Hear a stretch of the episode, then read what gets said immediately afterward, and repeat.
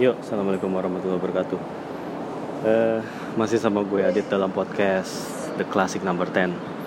Ya untuk episode kali ini gue juga ingin singkat aja sih ngebahas tentang sebuah isu yang di tubuh AC Milan ini lagi cukup uh, ramai didengar ya. Ini tentunya uh, terlep, tidak terlepas dari kekalahan Milan uh, dari Udinese ya, yang mana kekalah ini berbuntut lumayan panjang ternyata.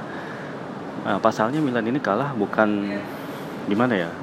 Mending kalau kalah tapi dengan permainan yang bagus, dengan perlawanan yang berarti dan dengan banyak uh, attempt dalam menciptakan gol gitu.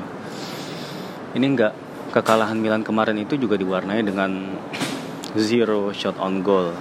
Artinya dari 14 attempt atau 14 upaya tembakan yang di, uh, dilakukan oleh Milan ke gawang lawan itu semuanya melenceng ya. Nggak ada satupun yang mengarah kepada uh, Juan Musso kiper dari Udinese. Tapi emang nggak bisa dilihat secara apa namanya secara uh, satu sisi aja dalam hal tembakan itu.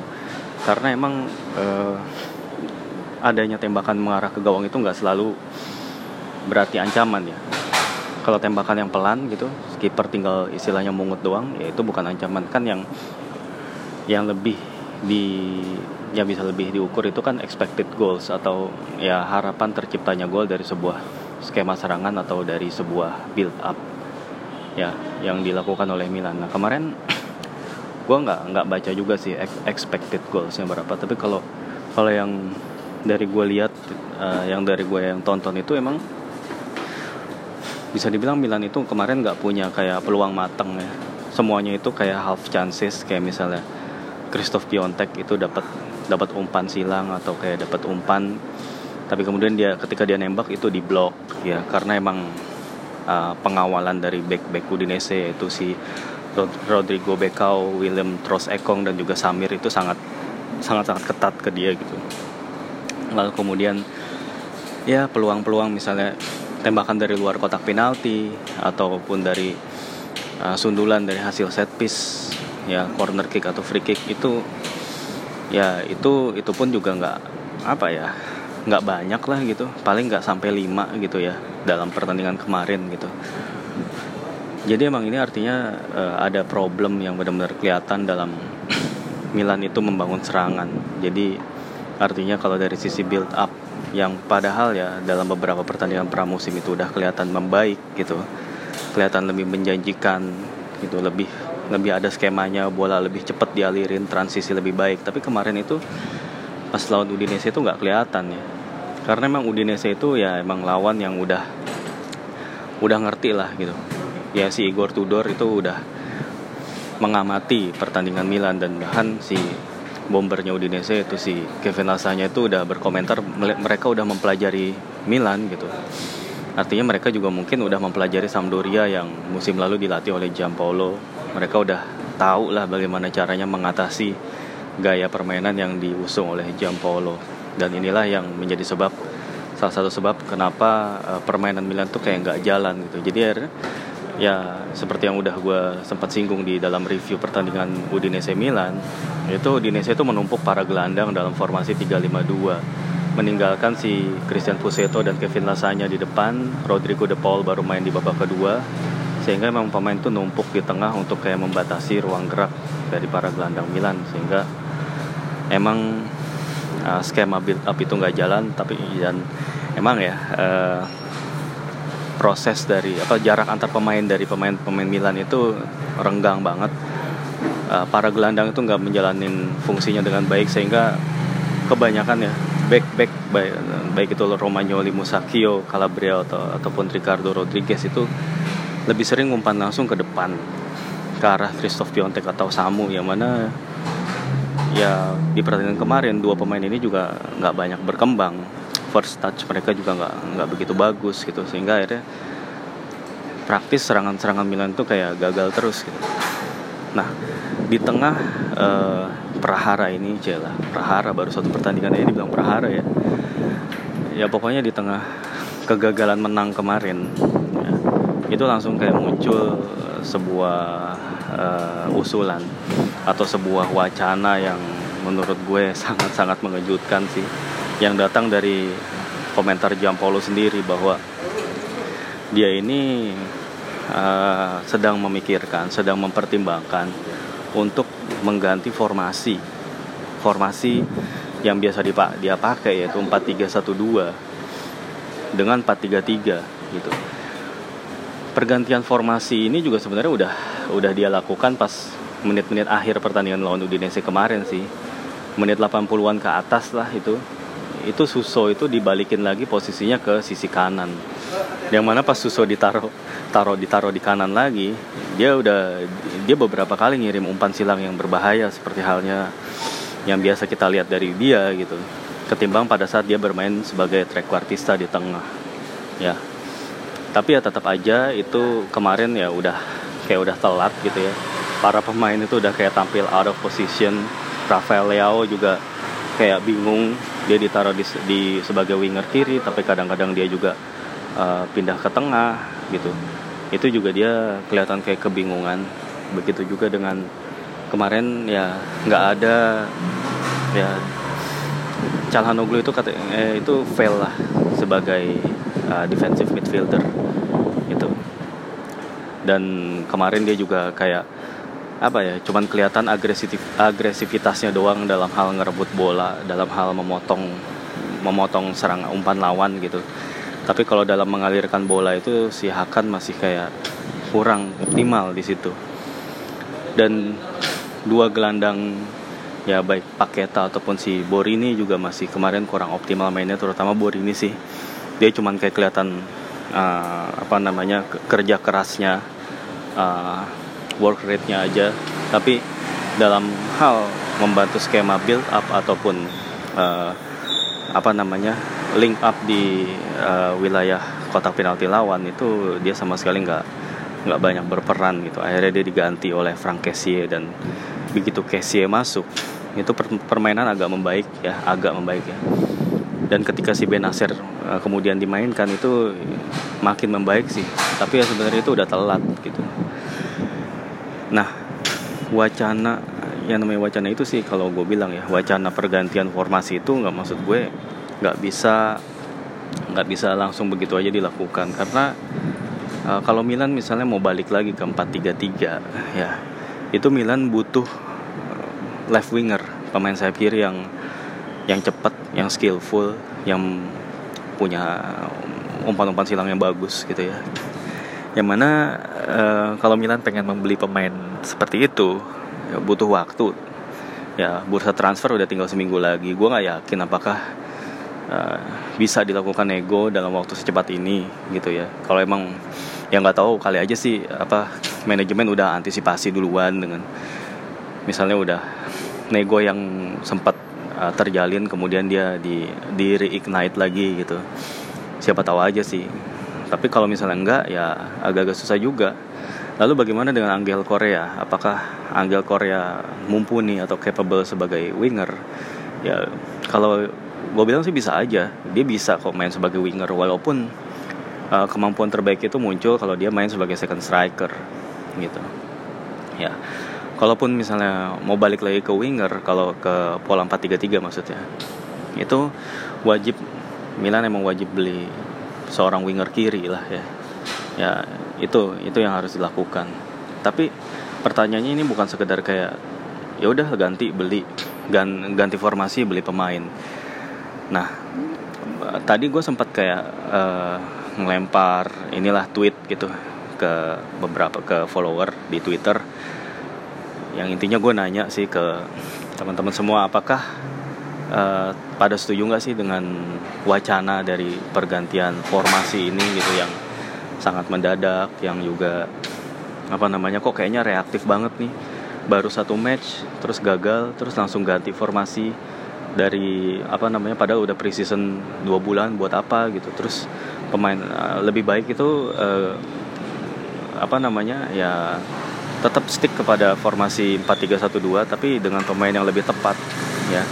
Lalu pemain-pemain baru juga dimainin kayak si Benacer dan juga si siapa namanya? Si Krunic coba dimainin gitu. Lalu kemudian Leo juga dimainin dari awal. Gitu. sebenarnya cukup kayak gitu gitu. Dan juga untuk fullback ya karena untuk masalah fullback sendiri ya formasi 4-3-1-2 ini kan formasi yang narrow ya. Artinya kalau misalnya mentok di tengah tuh udah dijaga di tengah itu si Udinese lawan pokoknya lawan itu udah numpuk pemain di tengah dan juga wilayah half space gitu ya. Itu kan sebenarnya mereka tuh maksa Milan tuh untuk kayak uh, ngalirin bola ke wing ke ke flank gitu ya. Nah masalahnya gimana mau ngalirin ke wilayah flank kalau di posisi flanknya itu fullbacknya nggak nggak rajin ngebantu serangan gitu. Fullbacknya malah kayak uh, lebih statis di belakang gitu. Ricardo Rodriguez dan Calabria kemarin tuh kayak mereka itu eh, nggak uh, terlalu banyak lah berperan untuk naik gitu. Mereka juga terfokus sama uh, pertahanan ya. That's why makanya kalau dengan main dengan formasi narrow kayak gini, fullback yang agresif itu perlu banget gitu untuk memberikan uh, uh, apa namanya memberikan alternatif lah. Kalau misalnya serangan dari tengah itu nggak jalan mereka bisa uh, apa namanya mereka available di posisi winger gitu. Dulu tuh dari dulu tuh Milan selalu punya fullback yang agresif yang bisa naik gitu. Kayak misalnya waktu apa waktu zamannya tahun 2003 ke atas tuh ada Cafu lalu di kirinya ada Jan, Jan Kulowski sempat lalu ada Zamprota juga gitu.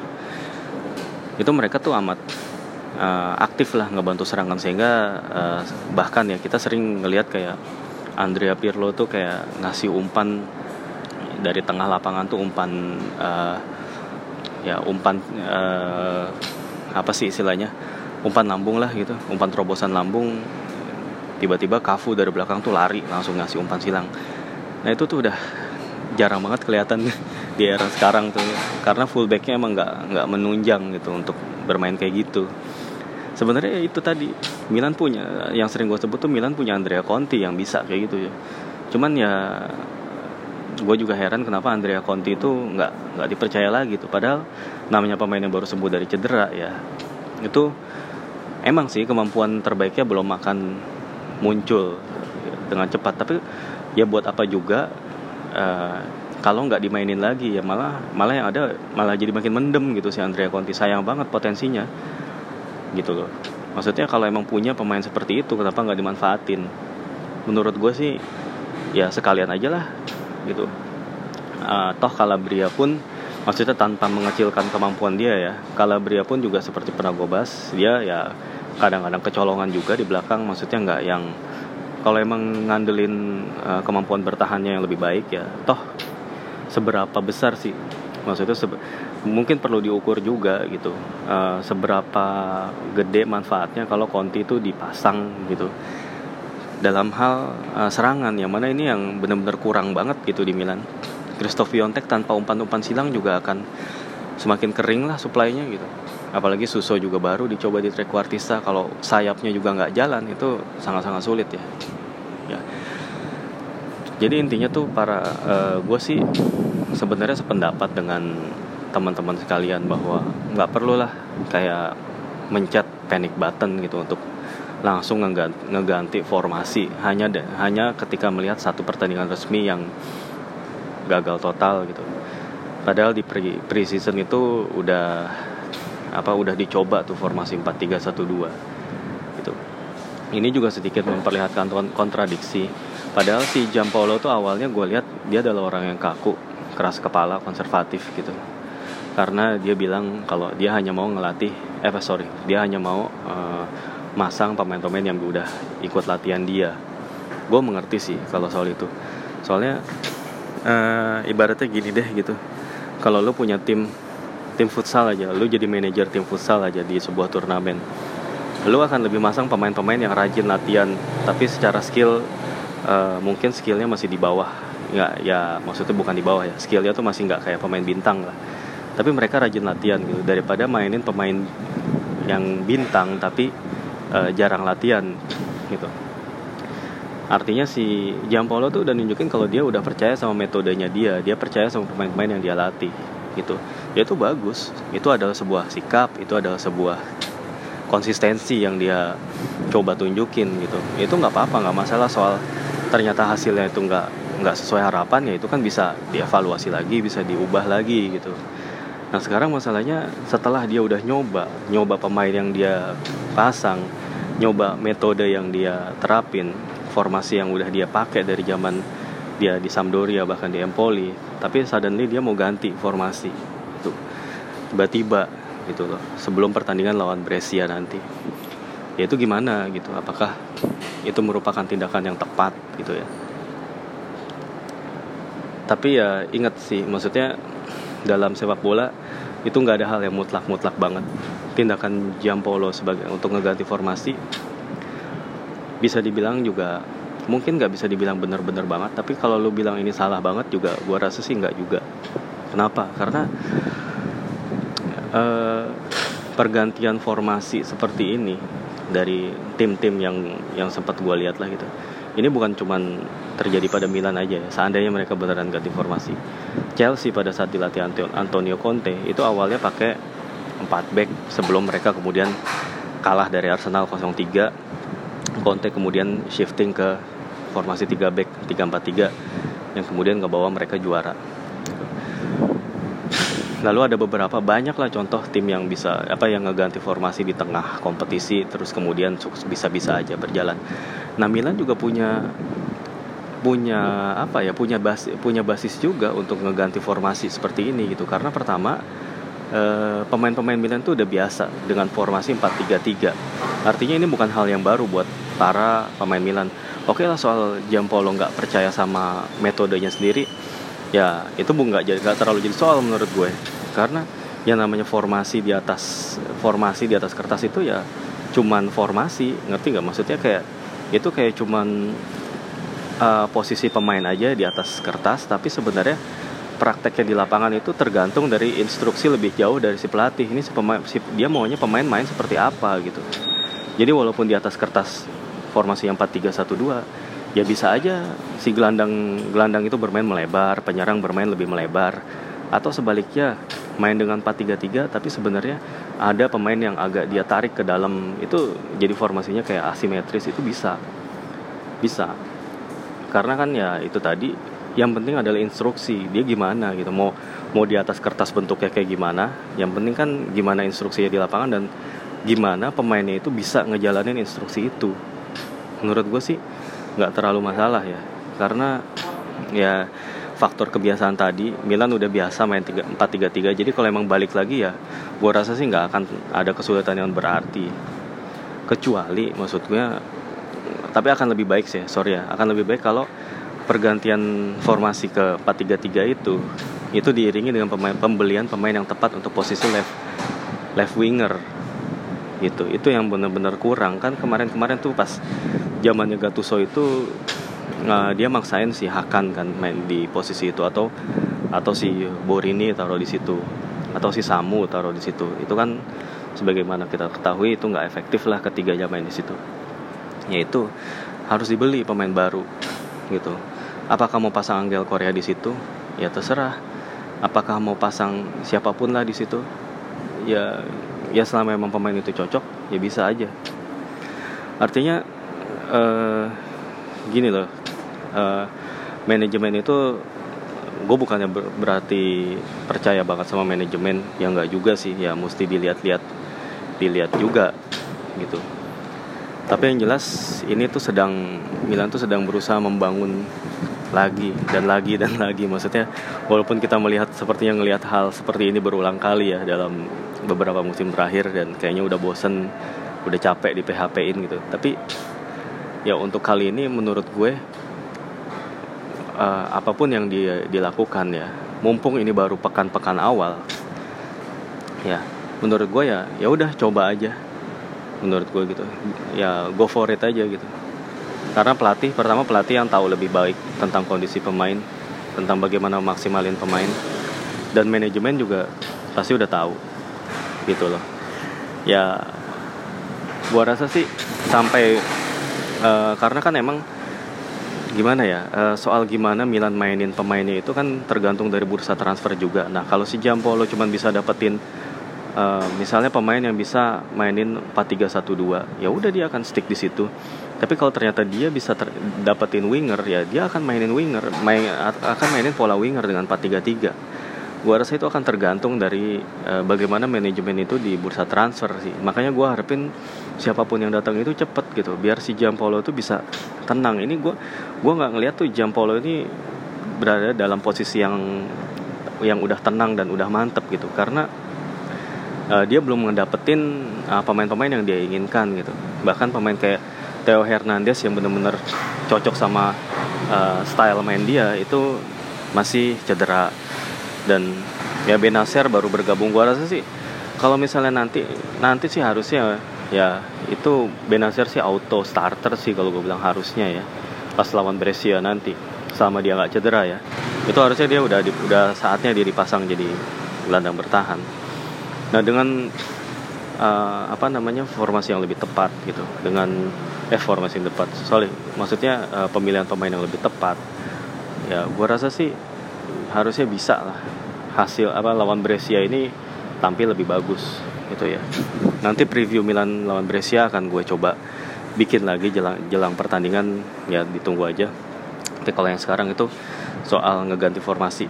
Ya artinya menurut gue gue sih dalam posisi ya semua itu bisa dilakukan. Apalagi yang namanya pemain bola profesional itu kan ya lu dibayar untuk bisa mainin berbagai macam taktik gitu loh. Ya kita aja kadang-kadang kerja suka apa yang ada di job desk A kadang-kadang kita disuruhnya A B C D disuruh sama bos begitu kan ya. Ya apa bedanya mau main bola gitu?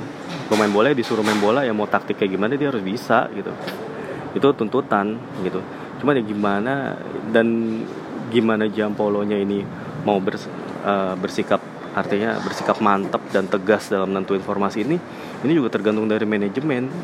Pemain mana yang biasa bisa mereka datengin untuk itu gitu dan ya kemarin-kemarin kan negosiasi dengan Angel Korea ini udah di tahap yang advance. Bisa jadi ya kalau Angel Korea itu datang Milan tuh akan tetap stick ke 4-3-1-2 sih kalau gue bilang. Anggi dengan Korea itu sebagai second striker kemungkinan besar gitu ya. Karena dengan skillnya itu dia pasti bisa bikin perbedaan. Begitu juga dengan posisi gelandang tengah yang kayak katanya Milan tuh sedang mencoba reinforce lagi bahkan back tengah yang untuk ngegantiin posisinya si siapa? Musakio gitu. Yang kemarin tuh hampir kecolongan gara-gara si Kevin sama sama si Kevin Lasanya tuh hampir aja jadi 2-0 skornya. Ya itu sih apa? Kalau gue lihat dari pergerakan manajemen itu sih naga-naganya sih stick ke 4312 ya. Maksudnya dia ingin mereka ingin mantepin 4312 tapi kalau pengen pakai 433 pun ya silakan gitu. Cuman ya pakai pemain yang ada gitu. Untuk nyediain pemain yang cocok sama 433 tuh ya itu kayak balik lagi ke awal kayak lu udah disampai di, di, titik mana terus balik lagi gitu. Itu susah gitu. Ya realistisnya sih tetap di 4312 cuman ya 433 itu bisa dipakai kalau tiba-tiba bisa ngedatangin pemain seperti Memphis Depay atau Everton Suarez atau Deulofeu atau siapa pun lah gitu yang yang cocok gitu loh. Ya balik lagi itu semua juga tergantung. Jadi benar-benar nih posisinya tuh awalnya sebenarnya manajemen dulu. Manajemen merespon situasi ini kayak gimana dia bisa pilih pemain siapa dan mungkin manajemen juga kayaknya nggak bisa berbuat begitu nggak terlalu bisa berbuat banyak ya. Karena untuk ngedatengin pemain tertentu itu mereka harus jual pemain dulu. Nah penjualannya Andre Silva aja tuh lama banget ya mau jual Frank Kessie Kessie juga kayaknya antara dibutuhin atau enggak gitu. Kalaupun dijual maunya di harga tertentu Kessie-nya juga kalau pindah maunya di gaji tertentu ini agak-agak kusut sih sebenarnya ya. Jadi ya dengan Mercato yang kayak gini gue sih nggak bisa ngelihat bahwa Milan akan menjalani start yang baik gitu. Pasti butuh waktu butuh waktu buat Jampolo misalnya udah nemu squad yang mantep nih dia itu pun masih butuh waktu lagi gitu jadi ya ya kita tunggu aja sampai setidaknya sampai derby lah. Derby ini udah menanti di depan mata di pertandingan keempat. Ah, tinggal dua pertandingan lagi menuju derby. Kalau misalnya situasinya masih kayak gini ya gue agak-agak hopeless pas menjelang derby sih gitu. Tapi ya kekalahan dari Udinese ini udah cukup gue rasa untuk jadi evaluasi yang apa namanya yang benar-benar harus dilakukan oleh manajemen sih terutama cepet banget. Mereka harus cepat ngedatengin siapa pun targetnya. Entah Angel Korea atau siapa pun itu harus cepet banget didatengin. Supaya Jampolo tuh bisa lebih pasti gitu loh. Dia mau pakai pola apa mau pakai mau mainin mau main seperti apa. Begitu juga dengan pemain-pemainnya gitu loh. Dan seperti yang gue bilang tadi ya harusnya Jampolo lebih berani ya seperti yang gue udah gue bilang di podcast sebelumnya sorry. Jampolo tuh harus lebih berani aja gitu. Mainin pemain-pemain seperti Benacer atau bahkan Krunic yang lebih bisa ngasih impact gitu di tengah. Jangan pemain-pemain seperti yang musim lalu biasa bermain padahal di musim lalu tuh udah kelihatan uh, kelemahan dari pemain-pemain itu adalah minim kreativitas minim ancaman dalam bikin peluang di uh, kotak penalti lawan ya itu aja sih paling ya. Tentunya semua butuh waktu semua butuh biaya dan ini situasinya benar-benar nggak gampang baik buat Jampolo ataupun buat uh, para pemain ya. Dan kita lagi-lagi harus berharap-harap cemas nih akan kayak gimana persiapan atau gimana start Milan lah musim ini gitu. Mengingat tim-tim gede kemarin tuh main hampir semuanya menang ya kecuali Roma yang ditahan imbang tiga sama sama Genoa tim-tim lain seperti Inter, Juve, Lazio, Atalanta ya Napoli itu mereka semua sama-sama meraih kemenangan gitu. Dan pesaing dan tim-tim lain seperti Fiorentina, Torino itu juga ya, kalau Fiorentina kalah tapi mereka tampil bagus. Torino menang lawan Sassuolo ya. Itu menunjukin bahwa ini apa namanya pesaing-pesaing udah startnya udah bagus nih kalau Milan masih tetap begitu ya agak-agak susah ntar ngejar ya gitu loh. Ya udah. Ya menurut gue sih uh, kayak gitu aja. Ya kesimpulannya adalah mau ngerubah formasi atau enggak gitu. Itu semua tergantung manajemen bisa ngasih pemain seperti apa. Ke Giampolo sih. Namanya taktik itu kan sifatnya apa? Organik ya. Itu balik lagi formasi di atas kertas tuh cuman kayak ya sebatas di atas di atas kertas itu tergantung dari instruksinya. Gitu tergantung dari instruksi Jampolo mereka mau main seperti apa. Gitu dan itu semua tergantung dari pemain-pemain yang bisa didatengin manajemen balik lagi seperti itu. Dan yang penting sih Jampolo tetap dengan metodenya yaitu dengan attacking football yang ngalirin bola dengan cepat uh, transisinya cepat juga uh, dengan pressing melakukan pressing gitu ke ke lawan gitu. Dengan main proaktif kan dia selalu bilang proaktif football gitu. Yang penting itu dulu dijalanin gitu. Mau formasinya berapa kayak kalau gue bilang. Ya itu yang penting itu dulu lah yang benar-benar diterapin. Karena kemarin tuh kayak nggak nggak jalan gitu. Si apa namanya si Igor Tudor tuh berhasil bikin semua itu tuh kayak nggak jalan gitu. Apa yang diterapin Milan tuh nggak jalan gitu. Dari oleh strateginya Tudor gitu. Dan ini bukan nggak mungkin diulangi lagi oleh lawan-lawan Milan selanjutnya tuh kayak Brescia nih kemungkinan ya bisa jadi mereka akan sitting back juga kayak Udinese. Bisa banget gitu. Dan kalau misalnya nggak ada perubahan attitude dari pemain-pemain Milan gitu dan juga nggak ada penekanan dari Jampolo untuk uh, mainin uh, playing style dia itu ya kembali akan kesulitan sih Milan gitu loh. Itu sih yang perlu digaris bawahi ya. ya udah kurang lebihnya uh, mohon maaf. Terima kasih sekali lagi buat teman-teman yang udah mm, ngejawab uh, mention gue apa ngejawab apa yang gue tanyain di Twitter. Itu makasih juga yang udah dengerin podcast ini. Kalau emang ada sesuatu yang mau disampaikan lagi bisa kembali bisa mention gue ya sekali lagi kurang lebih mohon maaf. Assalamualaikum warahmatullahi wabarakatuh